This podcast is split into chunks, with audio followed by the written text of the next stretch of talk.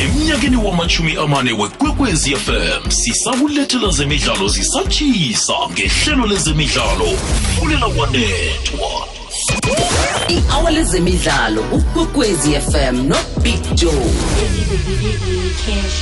Isimbi yesihlanu itsho ukuthoma kwe-iri lezemidlalo ukwekwezi fm nobig joe. Kukhanya ba ngiyakwamukela mlaleli. Ngiyakulotshisa kizo zonke indawo lapha ulalele ukhona. Lihlelo fulela wanethwa emhathweni igwegwezi FM namhlanje kungolosine eh siyaraga ke zikhona indaba zemidlalo eh uyazi ke ukuthi ngalesi sikhathi isizini yethu seyiya ngekupheleni isikhulukhulu ebholini ragwako kanti ke sicale lapha nephaliswano lebigiri yephasi. Eliragako lokudlala la eSouth Africa lapha ngoJuly lokudlala eCape Town nalo lalo ke silicalile ukuthi eh, izinto zikhamba njani ngehlangothini labendazana baka sokuya ke eh, siyokuchejana lapho ukuthi eh, kukhamba njani eh, malungana nephaliswano lebigiri yephasi. Kanti sizokukhuluma lapha ke nomunye wabadlali ukhanyisa chawane eh mdlali ke waso lesicema mdlali ke ubuya le edzanini belethelwe le edzanini kodwa ke eh, ukufika kwakhe ngaphange Gauteng adlale agcina khethiwe esicemeni senaga eh, ayokudlala iphaliswano lebigiri yephasi. Kuyasho nje ukuthi omunye nomunye umuntu angenza kwenzeke. Kunengi kokwenzekileko eh, emidlalweni sengikhuluma nje imidlalo yayizolo. Sibonile iMarumo Gallants idlala enjani eh lapha ke ku CAF Confederation Cup. Hey isicema sekhaya sabetshwa ke se under 17 awu sibechiwe sibechiwe 5 ngakhe ngayatsho ngelanga eh singakabi no dlala singakabi nokuqualifya lama quarter finals singakabi nokucabanga ukuthi sisakuhlangana neSenegal endleleni ngathi hey iSenegal leyangiyibonile emidlalweni yayo nayidlalako eh iyathusa. Angazi ke eh, ngichema zekhaya kusho ukuthi awakubhalile ama under 20 abhalelwe ama under 17 abhalelwe ama under 23 abhalelwe. Eh nawucala ko sesibetshwa ngo5 usibetshwa iSenegal nje. Sithume munye umdlalo sibetha abomakhelwane bethu thina eh iZambia sibabetha ngo32 Morocco yasibetha ngo2 noti eh iNigeria yasibetha ngo32 namhlanje iSenegal sibethe ngo5 noti ngizakuzwa ngawo ukuthi wena ke ngakelakho ihlangothi eh uyibone njani imidlalo loyo kanti ke ku Champions League isicema seInter Milan eh siyiwalazele emsinya iAC Milan. Yathi nayithoma ukuphaphama kwabe seyikhamba phambili ngamagondela amabili eh lapha ke elizeni. Umlenze yokthoma ke lesakubona iveke zawo ngolosibili ukuthi izinto zakhamba kanjani kodwa ke eh sebana umlenze wodwa bawusephambili Champions League ke nayo iza kurara abantu bangathumba nje emlenze nosibili hey kube buhlungwana yo. Hey kube buhlungwana. Kodwa ke siubona umdlalo siubona umdlalo bowumuhle. Na uchecha nokuthi nangolosibili sibona umdlalo omuhle phakathi kweManchester City neReal Madrid. Sisaza kubona emlezeni nesibili ukuthi eh, izinto zikhamba njani. Ezikhamba phambili ke ezinye indaba ngilezi zokuthi ke eh, isicema sama Proteas siyaya. Ephaliswaneni lebigiri yephasi lapha eIndia siqualifyilwe khumula ke sasolo sibala sithi mani kumele siqualify nakungasinjalo kuza sikatelela ukuthi siye eZimbabwe siyokudlala lapha ke imidlalo yokuqualify nokho ke siphumelele ngoba iIreland eh itest yabo ke kumele bayidlale igcine isele ngemidlalo emibili ngoba ukthoma akhenge usadlala eh beku iseries enemidlalo emithathu. Manje kutsho khona ukuthi noma bangayithumba lemibili ngeze bakhamba bafike ku number 8 lapha sikhona lapha kuthiwa ke gcina lapho ke ingichema ukuthi ziqualify automatically manje ke nangu ucaptain wesicema sama Proteas uThemba Bavuma naye uthabile I think if I look at the journey, it's been a tricky one for us as a 50 over team to get to this point. But I think looking at the last couple of months, a lot of a lot of positive strides have been made as a team, and I think we are well positioned to to build on the momentum and confidence that we've gained. I think now is a perfect opportunity for us to really focus on the World Cup from a preparation point of view, um, nail nail down nail down our plans and brush up areas that we that we feel that um, we need to brush up on. Um, I think me personally, again, you know, it'll be a ma- major honor um, and privilege for me to be leading the team in my first ever 50 over World Cup, and I hope we can achieve some good things as a team. Asithembeke ukuthi simasola Africa vele bazasizela nendaba ezimnandi ePaulsonini leBigiri yePass nje umsebenzi ke uyathoma ke kulungiselelwa iPaulsono leBigiri yePass eh kunekhambo lapha leSAA Tour eh bachinga lapha ke eSri Lanka eh kune ODI series esiyoidlala neAustralia nayo. Emidlalo ke leyo lapha sesidlala silungiselela iPaulson leBigiri yePass lemidlalo yama overs amachumi amahlanu. Marumo Galansi ke angazi amathuba wayo yokuthi ayokufika lapha ku CAF Confederation Cup final ajame njani njengoba betsho lapha ke sichema seyanga eh seTanzania Young Africans babethe lapha ke ngo2 not kodwa ke emlenzeni wesibili bathi izane Rustenburg nizokungena simahla kungenwa simahla ukuthi kusekelwe isichema kungaba kuhlehle ukuthi bakwazi ukudlula bokufika lapha ke eh, kuma finals waleli phaliswano. Balobuleke izolo eh, umbanduli wesichema uRaymond Mdaka eh yena ke uyathi ukuthi nokho kubetshwa kethu akuthi ukuthi konke kuphelile kusesekunenge kusamele kudlalelwe emlenzeni wesibili bokudlala nge17 ngo6 ntambama lapha eRoyal Bafokeng Stadium eRustenburg Yeah, Ash, what what a game. Uh, just that we lost it, but um, we feel it's not a game that we should have lost. Uh, we got, I think, more of the chances, uh, missing four four chances in a row, which were mostly goal scoring opportunities, and uh, they got two chances. Yes, they scored two goals. Uh, all in the second half. Um, but looking at the game at all, it's one game that we felt was not a difficult game. It's just that we could not convert our chances. Uh, on those bases, it's, we, we still we still feel we're still there. Uh, we're still gonna play the second leg, irrespective of saying we're playing at home. But uh, in terms of the play itself, it's, it's one game that we feel we can come back and be able to win the game. Ya eh uyatsho ukuthi nabaqalileko bangakwazi ukubuya mhlawumnye ke bawuthumbe umdlalo. Komunye umdlalo ke izolo we CAF Confederation Cup isichema seUSM Alger salapha eAlgeria eh sidlale ngo North North nesichema seASEC Mimosa. Bebadlala lapha eIvory Coast umlenze wesibili usekhaya. Laba ke beAlgeria bathina kudlalwe ekhaya nje amathuba amaningi sakubona khona ukuthi abajamele njani. Eh yombili ke imidlalo le imlenze yesibili eConfed Cup yokudlalwa iveke zako ngolosithathu nakusichema sekhaya ke awakubhalile ukuthi besidlale Nelson Mandela Stadium. Akukenza ulutho lapha kuma under 17 imatiba Magic kusho ukuthi nayo ke vele lapha ibhalelo kusindisa hey mina ngazi angazi ibhola ekhaya yazawazi ukuthi uthini ngayo kodwa na ubukela nje imidlalo le ubukela abo Morocco nabadlala ubukela abo Algeria ababukela abo Cameroon aba uqale thina igap ikhona asamukeleni igap ikhona.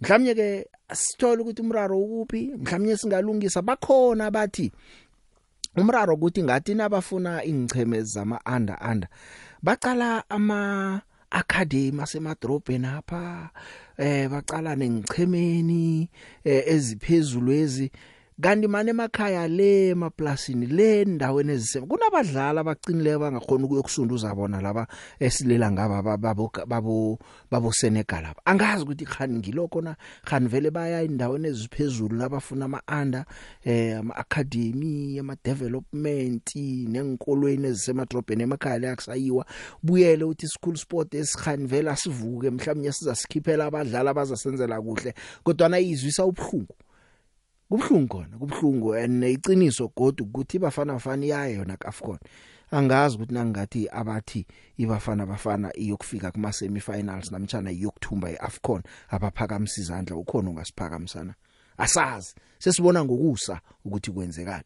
Eh kubhaleke nakubhale lokho kuyatsho ukuthi eh asayi nephaliswaneni leFIFA World Cup le under 17 kube ebhlungu na uqala lapha ukuthi amagondelo angene njani ama own goals amanye snacks apha man eh iCentral back the ipairing yakhona ababili abeswa eh uWylon Reneke bano Benjamin Wallis eh ngiba bathome babetha lapha kamagondelo wesicema seSenegal.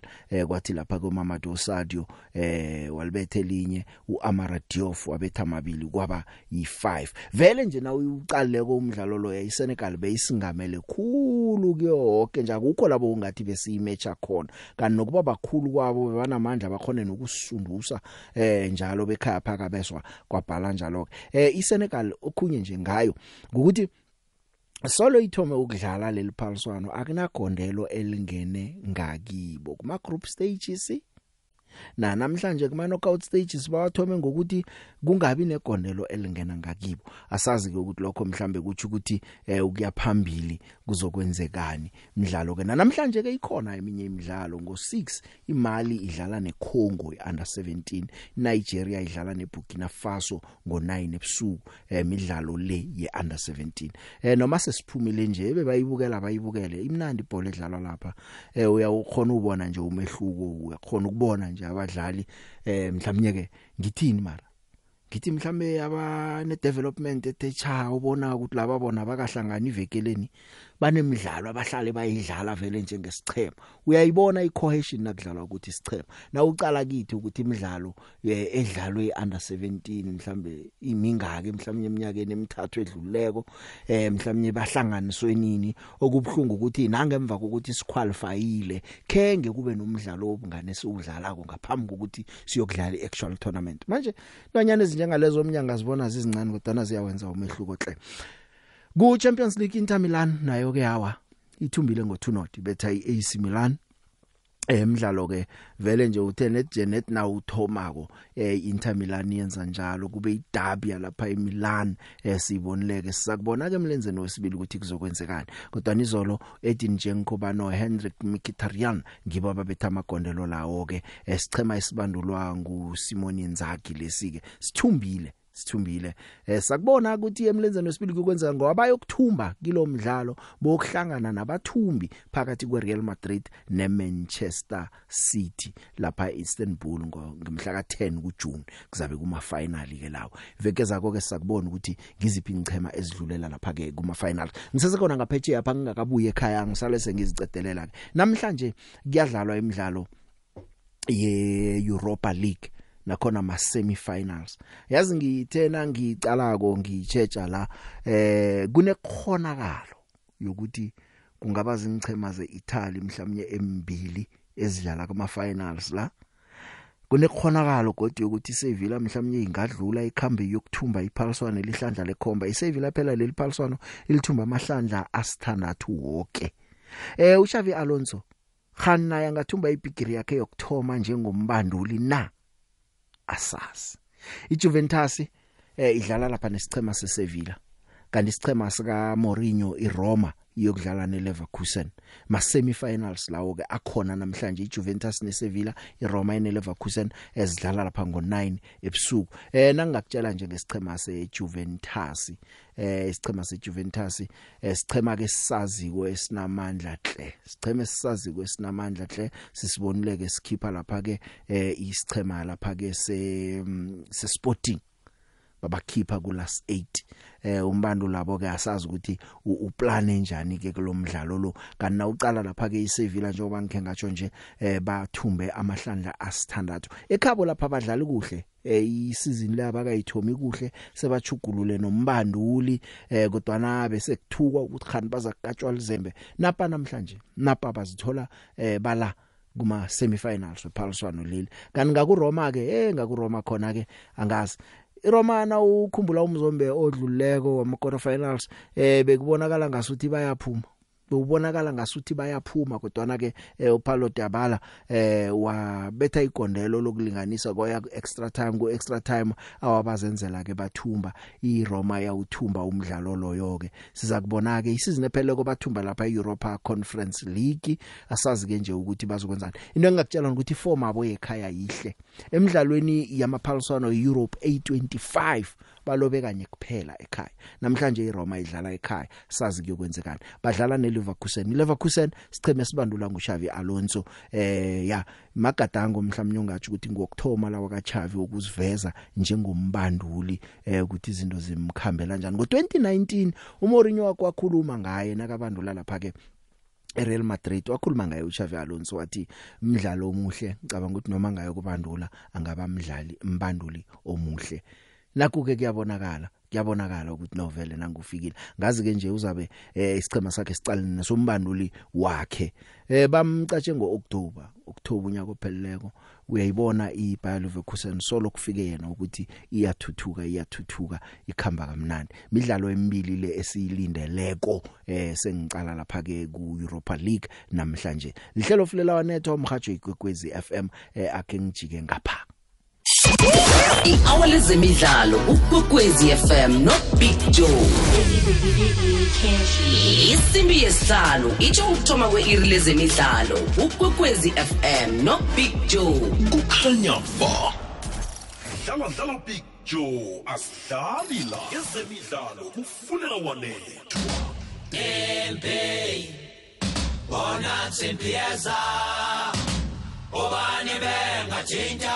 Bobesi. Dumela Big Joe akwande. Leonard the Sun ka Motolo sadlala le mopedi wa Kokwezi FM ngiyathokoza mpedi wekwekwezi. Big Joe na ke le khozi na Pirates a ntšhutše ke tabi Pascal Garages e lositše last two games banana kwetse ba tlo itirela e ke sewetse tabi Big Joe aya o ka se i-predict ye Eh Leonard a- akukuthusi kancane ukuthi Orlando Pirates namhlanje ayikawini ngoba isikhathi esiningi na ungacala amadabi iChiefs ivame ukubetha iPirates nangabe iPirates uthumbile umdlalo wayo wokugcina before idabi bese iChiefs iyaluza before idabi nje Orlando Pirates ayikawini idrawile ayingithuzi i-Pirates mina Big Joe. Especially no ngiyayifuna le Nedbank Big Joe. Mangithokoze Big Joe. Amen. Amen.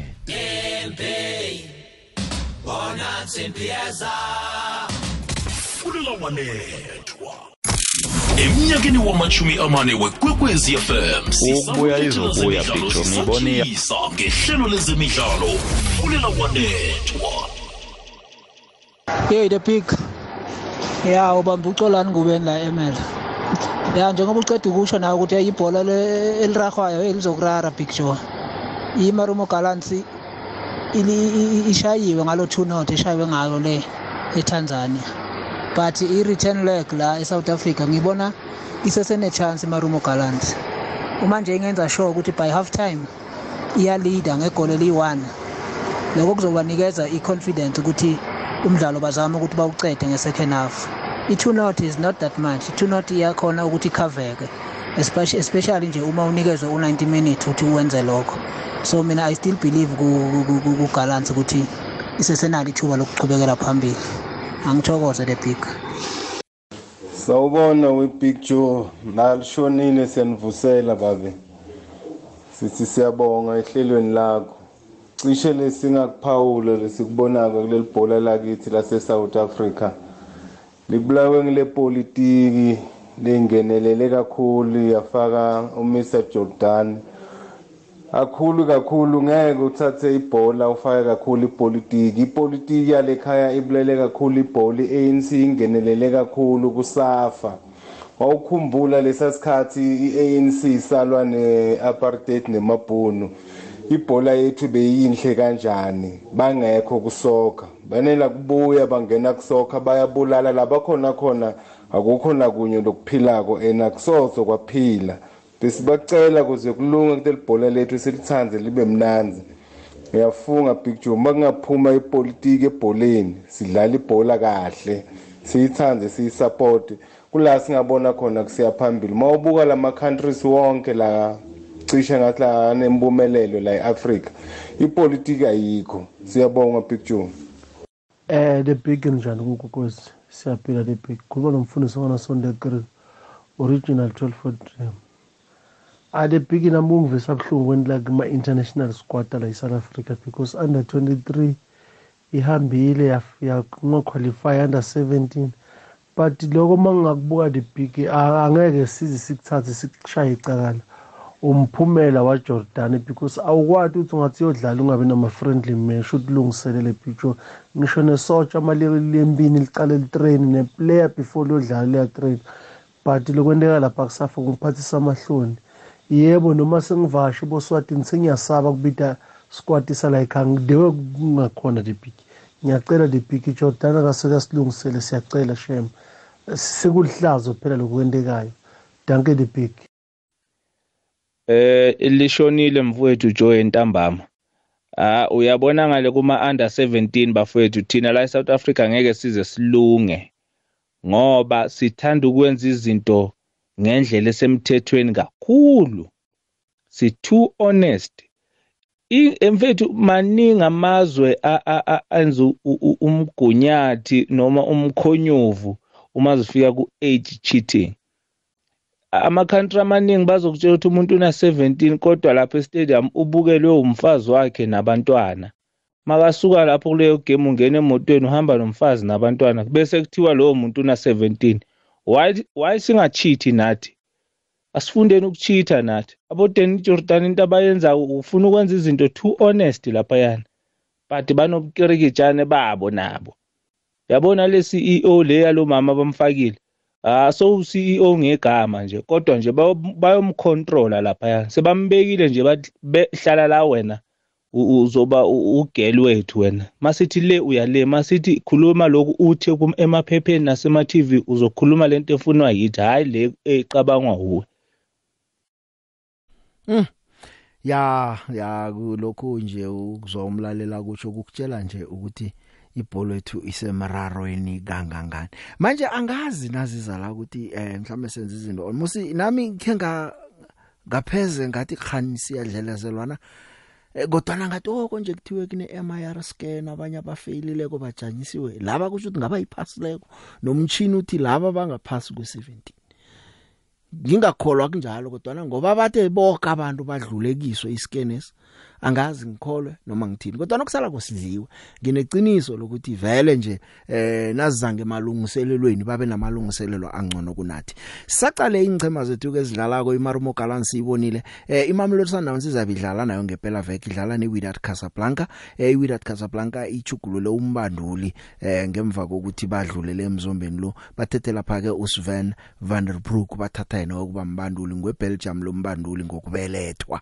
Eh sekabandule umdlalo kodwa bathumbe ngo 3-1 eh ngempela veke. Manje ke eh uRulani Mkwana uthi noma kunjalo akacabanga ukuthi ukufika kombanduli lo ngomdlalo wodwa sekasichugulule ngalendlela ukuthi kungaba kungasabangiyo iWydad le mhlawumnye ke abayazi kona asazi. Eh kunezinto umrolano mkwena azicaleko nabona ukuthi lo msasolo afikileko sekazi introduceile esichemeni seWydad Uh, the new coach is uh, there's not too much in terms of the profile of the team that has changed. Uh, the profile of the team uh, before the coach was very good players, very aggressive wing play, very aggressive possibilities to to to threaten on the counter attack. Uh, small adaptations, of course, within the model of play with the new coach. From a, a defensive perspective, on, on, the pressing, it looks a little bit higher.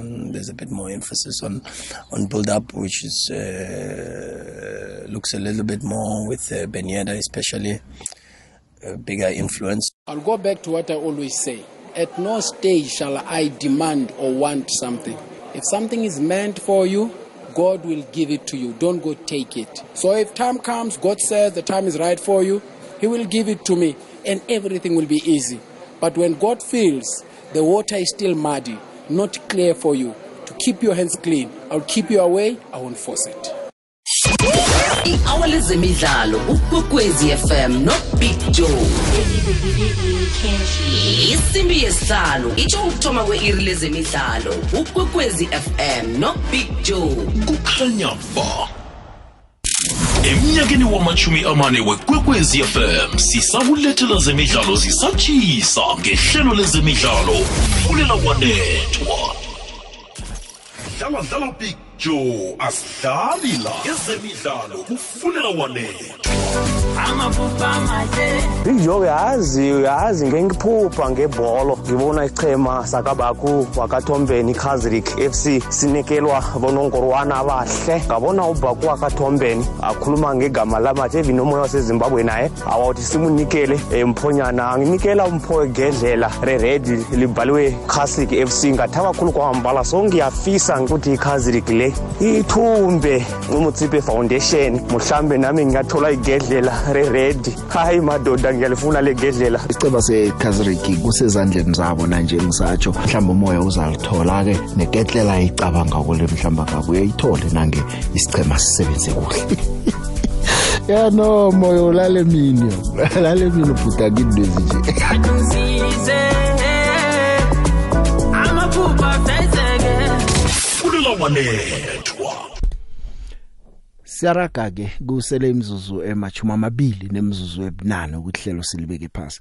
Ekhaya pha ke unyaka soyokuphela isizini yebhola eragwako nangijunyaka seyiyokuphela eh kunenye into sekuthomile kunenkulumo zabo football of the season njalo njalo. Ifootball of the season kuvota ababanduli bePSL ngibabaza kuvotela umdlali eh ukuthi ngimupha bambona umuntu akavotela umdlali wesichema sakhe uvotela omunye wakozinye ingchema asazi kuyokukhamba njani. uKevin Hunt mhlapa nje umzwelathi uRonan Williams eh eh batsho umuntu okumele ngathana uthumba lo nongorwana ngokubona ngaye nguTebugo Mkwena. Uthi umkwena usebenze kuhle. Engakutshela khona ke ukuthi abosomapala abake bathumba unongorwana wa football of the season ngaphambili ngikhumbula uAndra Ransa wakho wamthumba unongorwana lo asesela Park Santos uyitumele ngikhune asesiqemeni seKaizer Chiefs wakho wamthumba. Ngibo abo goalkeeper ababili abathumba iPSL footballer of the season. Lawa goalkeeper lapho kune footballer of the season angitsho eh abo goalkeeper bakhe bayithuma ngababili kuphela. Asazi ngoba Kevin Hunt utena eh, eh uno somapala hayilo nongorwana lo. Asazi kodwa ngingakutshela khona ukuthi kuvota ababanduli izu Kevin Hunt Okay ngidlulela Ya eh angazi eh uKevin Hunt ikhambekani la. Eh kodwa ke ngisese khona lapho no Bradley Grobler. Bradley Grobler naye uthi udanile danile ngokuthi i leading goal scorer ekhaya ina 12 goals kuphela ukufikela ngalesi sikhathi. nguPeter Shalulile eh ona 12 goals lo. Abanye ke bana amagondelo alithumi abomunapula Saleng naye uBradley Grobler lo eh bana amagondelo alithumi manje uGrobler ke uthi man kuyadanisa lokho. Eh ama strike ekhaya vele i20 goals hey yababhalela na uthi uyacala amalanga la. Eh uBradley Grobler kwayithumba nga16 ngo2021 eh asazi nje yokuthunjwa ngibani ucalako. eh sakhe sabane top goal scorer e10 goals ngenye isizini kwakungu Bernard Parker. Amagondelo ngendlela ayindlala ngakhona. Angazi kwenzekani? Asizwe ngoBrett Grobler umbethi magondelo. Top goal scorers I think first of all I think it, it's it is disappointing. I think you look at the number of goals. I know there's a lot of guys up there and it's quite tight at the moment um which which in a way is nice. You know it hasn't been like that for for quite a few years where you've got so many guys that are there and thereabouts. But I mean, the numbers have got to be higher. I think you know we all know that we'll get criticised on that. You know, uh, year in year out. This is a difficult league to score goals in. Um, it, it's very defensive. But again, you know, I don't want to make excuses. Uh, for me, 10, 11, 12, 13 goals is, is not enough for you know to win a top goal scorer award. But yeah, you know, there's there's it's, it's interesting going forward because there's quite a few guys that are around, you know, competing, and I think that possibly could bode well for the future. Ya ngezinye nje indaba ezikhona ekhaya. Ngichinga lapha esichimeni seOrlando Pirates eh, umbanduli uJose Ribeiro eh uthumbe lapha icoach of the month ngoApril nje kanti sekayithumba ihlandla lesibili. Uthi lokho kumphumela womsebenzi abawenza baboke basichema. Eh ngesikhathi ekujajwe ngaso uyithumbe yomine imidlalo ya wathumba ke abo Raymond Mdaka bemarumo Gallants nabo Steve Barker beStellenbosch bekaqale nabo baqale unongorwana lo kwathi ukuthi uyabahlula ke bekunomhlangano wembiki indaba ke namhlanje kukhulunywa eh, ngomdlalo wabo zako abomgcibela bodlala nesikhukhuni. Eh ukhumbule ke ukuthi ezinye zezinto mhlawumnye ke eziragako ukuthi nayo isikhukhuni abadlala nayo le basayokudlala nayo kodwa ku Nedbank Cup nge27 eh asazi asazi ukuthi kuyokhama njani imidlalo emibili. Kodwa Rivero ke uyaveza nje ukuthi hayi eh unumber 2 loya uyamfuna ufuna ukuyokudlala iChampions League isizini ezakho utsho njalo. Uthi eh nemidlalo emibili leso idlala nesikhukhuni ayizukufana. We league lona we cup midlalo engazokufana. Yabona ke Orlando Pirates okumnani ngayo ukuthi yonke into isezandleni zabo ukuthi bayaya ku CAF na. Eh kodwa ke nakachoko nje umbanduli uthi mandate ilula akuthunjwe nje imidlalo eseleko le ye league bakhambe bozidlalela ku CAF Champions League. I think we are the team of the month more than the coach of the month. I take it, it's fine. You know, there's always going to be individual awards in football, but I think uh, it, it was a fantastic month. Uh, the performances of the of the team uh, were brilliant. We managed to get uh, fantastic results, and that's just a consequence. But the, the truth of the matter is that we were probably the best team in the in the month, and hopefully we can do it again now in May. The next objective for us is. Uh, is consolidate our position in the log and make sure that we can be the second. So I'm not thinking at all about the cup final and who's going to be our opponent in the cup final. It's going to be attractive enough. What are we going to play for on Saturday? Finals are different games than, than league fixtures, so we we trying to prepare the game, especially mentally, because in this moment of the season, um, just three weeks ahead of us, uh, every every other preparation should be like like you can imagine should be already done in terms of uh, structures, organization. Finals are different.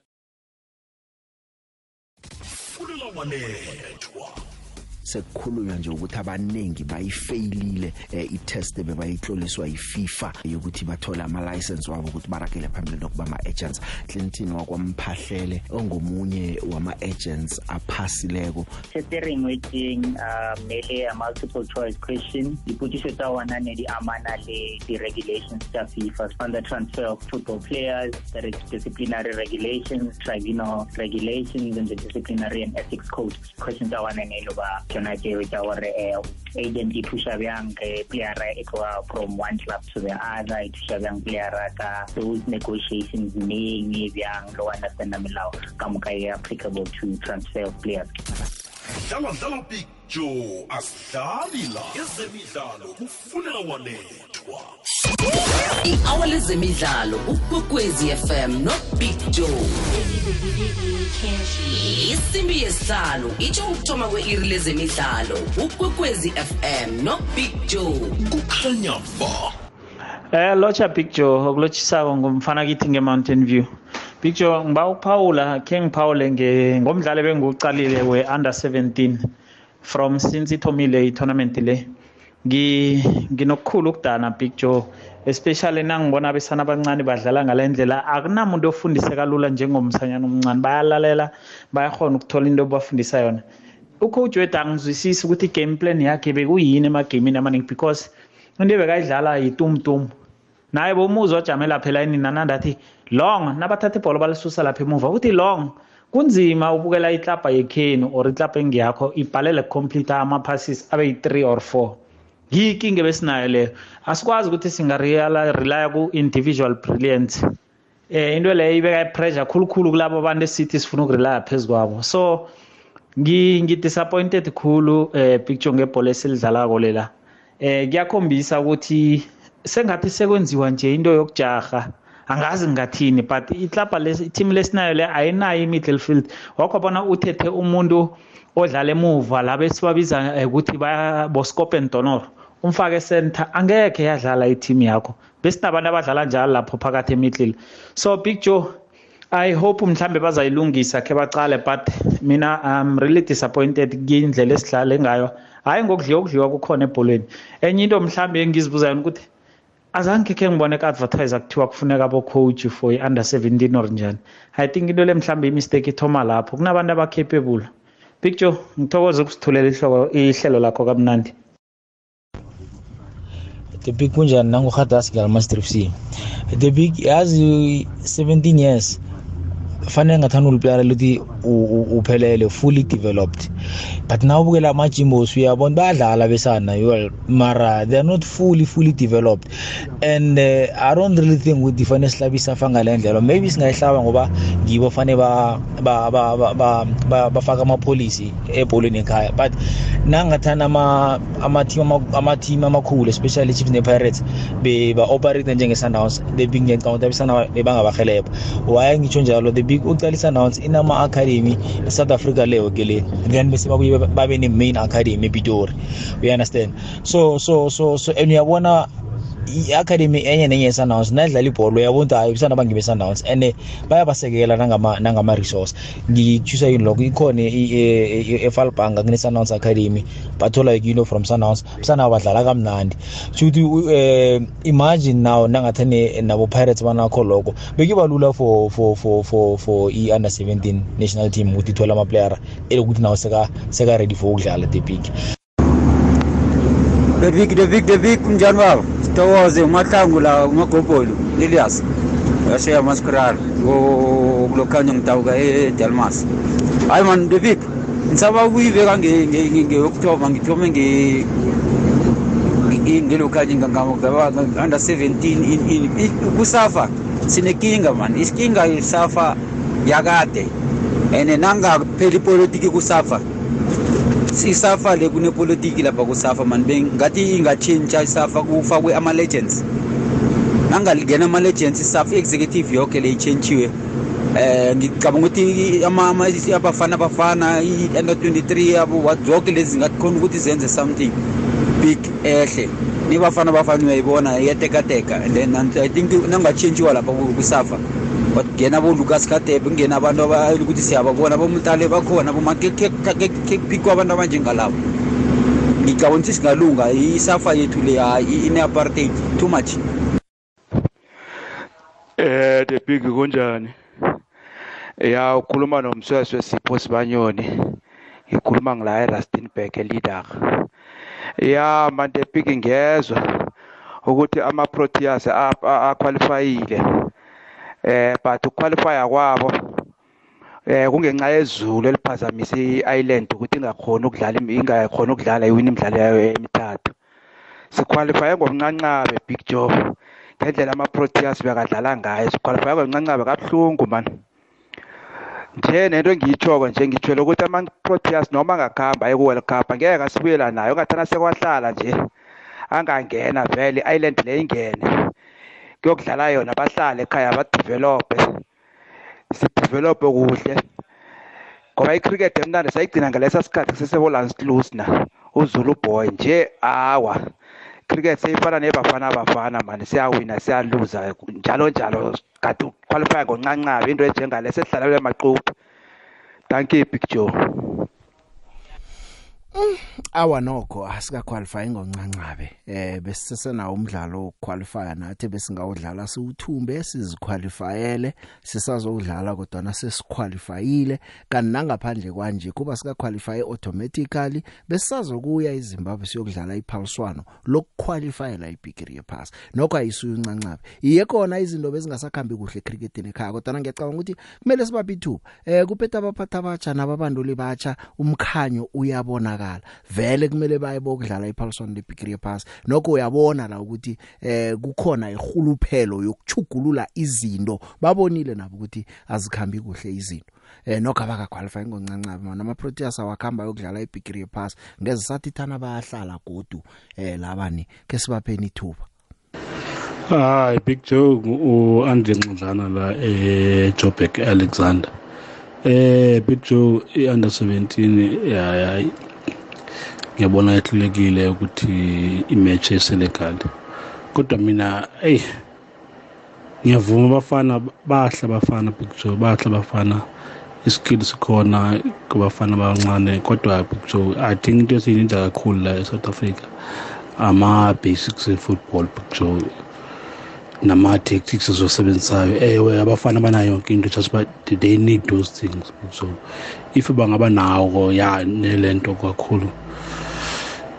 Sibenze ama-tactics wethu picture nama-basics efootball ibhodi kakhulu ayisebenzi kakhulu ebholeni picture ewe dende ungabona mhlawumbe eh angazi ngizobiza kanjani abe i-fitness or mhlambe ithambo kathini kodwa alisebenzi kakhulu picture iskill siyasebenza ne-basics yama-football picture ngiyabonga picture ya kusenzima kithi kakhulu. Ya kubonakala kubudisi kodwa na ke sima South Africa sibabantu sihlala sinalo ithemba lokuthi ngelinye ilanga izinto ziza kulunga eh nakunabanye abantu ke abalihlogako isekelo lethu eh abangakabusidanisa. Sichema sekhaya sama Proteas netball eh iSpa Proteas eh bazabadlala iPaulson leBigiri Pass lapha eCape Town ukuthonywa ngoJuly liPaulson elikhulu balihloga isekelo lethu. Njenginomunye wabadlali eh ngukhanyisa achawane khanyisa ngiyakwamukela emhathweni kwekwez FM yeche mama Hello how are you? Ngiyaphila khanyisa wena unjani? Ngiyaphila. Mhm. Siyathokoza ukukhuluma nawe. Benjani training namhlanje? Ah they right they right. Ngihambe kahle. Ikhambe kuhle. Na uthi uyacala mhlawumnye lapha esichemeni eh seni ready kangangani nje? Kusiphe nje ifeel usiphe umoya ukuthi ekampeni kunjani lapha? Uh, the camp is going very well. A little bit hectic now because of selection. They have to select the team soon. Mm. So they're really pushing us um, this time around. Two sessions a day. And yeah, that that is going well so far. And the competition is quite good. So yeah, we're looking forward to hearing the team. Khanyisa ngisaceda ukutshela umlaleli lokhanyana ukuthi yong eh kuyakhoneka ubelethelwe lezanini kodwa namhlanje indoda eh ugijima ne World Cup and akusingiyokthoma lo idlala kakho uphe nje umlaleli okulalela konje i background ukuthi ungubani ubuyaphi msinyazana. Eh ngoba ngebanga le training yakho kusikatelelo ukuthi sibe nesikhatshana esincane. No um So I'm from Pumalanga, Bushbuck Ridge, actually, and I mm. speak Tsonga, not Zulu or Xhosa. Yeah. yeah, and um, but I grew up in Limpopo with my grandmother, and I went to a school in Foster. I think that's where um, the the netball journey started because I got started with one of the coaches there, Charmaine Vietra, um, and I started playing for Hoërskool Ben Foster. From there on um, I started taking netball very seriously because I knew it was going to open doors for me. Um, and indeed it did because when I got to matric, I got scouted by a university coach who said, come play for my university, I'll give you a bursary. So that's mm. when I knew, that, okay, netball is going to give me an education while I'm still doing something that I love.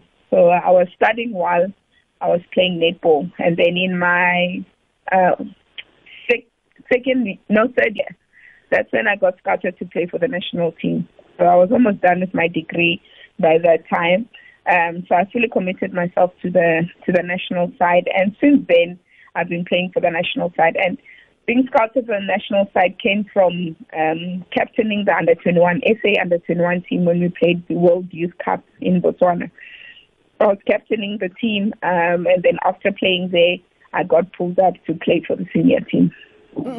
Ya ikhambo lakho lihlazi into engiyinothisako nengifuna nje ukuyivezela umlaleli. Abantu abaningi esikhuluma nabo abaveleleko eh ibreakthrough bayithola engikolweni okutsho khona ukuthi ifundo netalent lakho ziyakhambisana. Ngeze wahlala ekhoneni bese uthi mina ngidlala ibhola uhleze ekhoneni. Ngathi engikolweni akula abantu batholakala khona. Leyo seyiphatting shot yami nje bese ngifuna ukuthi umlaleli ayinotice ngoba esikhathini esiningi nasikhuluma nabantu eh bonke umuntu uthi hey ngathi ngisesikoleni ngathola ischolarship ngathi ngisesikolweni bangirecognize njani njani. So into ehle leyo ifundo eh nekhono lakho nesport kuyakhambisana.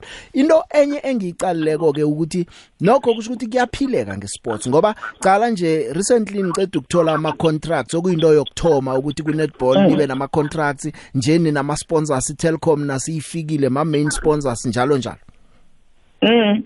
Um, I think uh, going from school, um, that's where you get most recognition because a, a career a sport is not long term; it's always Mm. short term, and you need backup on that. So backup is always going to school. You can never neglect um, school and just focus on sports because if you get injured, what's going to happen? What's your fallback? And going into contracts as well, um, it's great that netball is being recognized now um, by globally, basically, and the corporate world as well, coming in as sponsors to come and so, uh, give the support that we need, the financial support that we need for the sport to to pro- to progress. So having contracts um, within netball now is really one of the greatest things that um, has happened to the sport because now we are more secured. Mm. You can go onto court knowing that you have the support that you need. Ya eh okhunye naku niyokudlala iWorld Cup.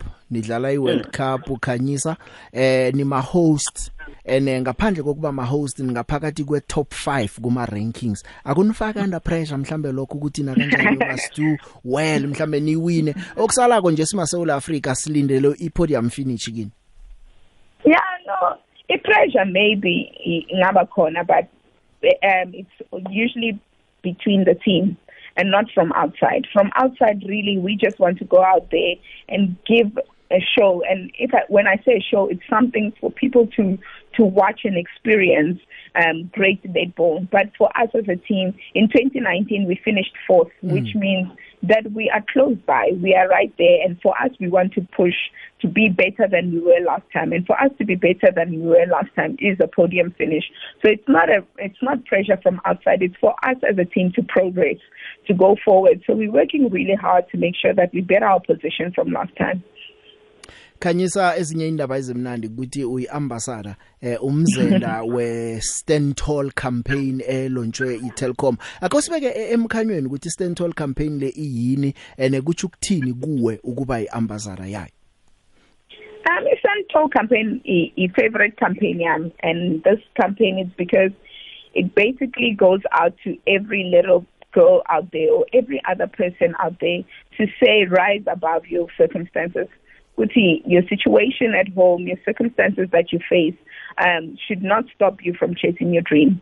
And being an ambassador for that, for me, is really is really uh, great because I can be able to tell my story to inspire someone else out there to tell them, "Guti, it doesn't matter really what you're going through. If you rise above it and stand tall above it, um, you can be able to to um, to reach your dream." So having to be an ambassador for that and telling my story is one of the greatest ways to give back um, to, to any person out there to inspire them to, to follow their dream. Ya zindaba ezimnandi. Ahake mlaleli kuthi ukuthi ke eh isento lechi ukuthi noma ungaba nentshijo lesingangani linga ukuthi usunduze uphundlukele ngale kwazo eh impilo ikwazi ukuthi lapha ke eh iragele phambili. iTelkom idlala indima enkulu esichemeni senu. Eh mhlawumbe nje sibonile baceda nokungezelela isponsorship nge3 years eh inyanga epheleleko. Eh angazi izindaba ezinjani ekampeni zamukele njani niya ku World Cup nithoga isekelo ngayo yonke indlela? Um most like we're really really grateful for Telkom. And Telkom it's not them being supportive just because it's World Cup. They've been with us since I remember also in 2019 they were the sponsor that really came on board for us um and they actually showed great support. So even now having to be one of the major sponsors going into the World Cup it's really for us we're really grateful as Netball. To have them. Um not many corporate um companies really support women in sports. So for them to really take a, a stand to say this is the team we want to support. This is the sport that we really want to support and they go 100% for us we're really grateful for that. And we hope to have them on board for the longest of time because they support also shows within how we are performing. We can actually you can actually tell that these people are being backed by um real um sponsors and we're grateful for that. Khanyisa sekuseduze ukuthi kukhethwe i-team eh final team eyosijamela ku World Cup. Ngiyazi ukuthi nonke niyakhanuka ukuyokudlala kodwa na ireality ukuthi ngeke niye nonke. Ama nerves athini? Eh mhlawumbe nokusaba ukuthi hey ngingalimali okungasenani ngaphambi kokuthi kukhethwe isichema kunjani kodwa nokuba sekampeni wazi ukuthi final selection iseza? I think going into camp um personally for me now going in and just giving your best. Uyazi ukuthi if you get selected or not you don't have any regrets. Um every person that is really here is really working hard to want to be in that team. Everyone wants to represent their family at a world cup at home. So everyone is going really hard but the only best thing you can do for yourself is to give 100% um making sure good you know what? You're not going to regret anything whether selected or not. And injury wise you just have to stay positive. You cannot always think about injuries. Yes, they happen, but we uh, we do have certain programs that keep us conditioned. We do have everything that protects our bodies, basically. So going in and giving 100% and staying positive is what what one can carry. Khanyisa kumnandi ukucoca nawe eh sekuthi isithena sitholako sithola idiary yakho kwathola ukuthi ku training till ngo half past 5 bekumele sithome ngo 5 kunenge bese sizokucoca nawe. Kodwa nasikufisela okuhle kodwa ngathi ungaselectwa nawe ube khona ku final team. Eh umuntu ongakwaziko nongakavama ukuyibukela netball ozitshela ukuthi uzokuthoma njenge World Cup and support akho umtshela iposition yakho ukuthi aqale ukuthi na ukhethiweko udlala phi wena akwazi ukukubona ukuthi nangu ukhanyisa. No, I play.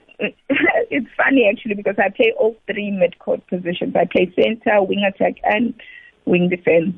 Okay manje abanye inetball abayazi nakathi wing attack kuba ngu WA ngitsho ku PP yakho center kuba kuba ngu C ngitsho Mhm. and then enye ngiphi position yakho Wing defense. WD Yebo. Kanyisa all the best eh? Eh sithemba ukuthi mhlawumnye sisaza kuthola linye ithuba lokuthi sicoce nawo ngaphambi kwePaulson leBigiri yephasi eh ukhusibeke nemkhanyweni khudlwana ngeStentol campaign ukuthi wena mhlawumnye ama challenge odlulekiwo ukuthi ufike la ukhona ngimaphi. Eh namhlanje sewuyi ambassador yeStentol campaign. Ngebanga lesikhathi ke seyiyala ke ithi asiyibeke la ikulumethu. No, ngiyabonga. Thank you so much. sithokozile nathi. Ahake mlaleli ngukhanyisa lo bengikhuluma naye ukhanyisa eh Chawan eh oyi ambassador yeStentol campaign yakwa Telkom eh basekela abendazana benetball aba ukuthi emadoda Paulson leBigiri yephasi nandi lifikile. Bathole lonke isekelo abalihlogako ngisele ngomzuzwana munye nje ukuthi ihlelo ngilibeke phasi namhlanje eh, ngiyabuya godu ngisatsho ngithi ngithokoza kangangani ukulalelwa? Kuze indlebe yakho angiyinyazi nakancane nendima oyidlala kuleli hlelo. Siyakuthabela nje ukulalelwa nguwe. Ke ngifake munye umlaleli ngaphambi kokuthi ngikhambe. Uh, Tamago Mashilo are Middleburg Extension 2. Uh, Big Joe, ke a tamisha. Manjwana nga mabasana na gona le basana la fulela wa netho.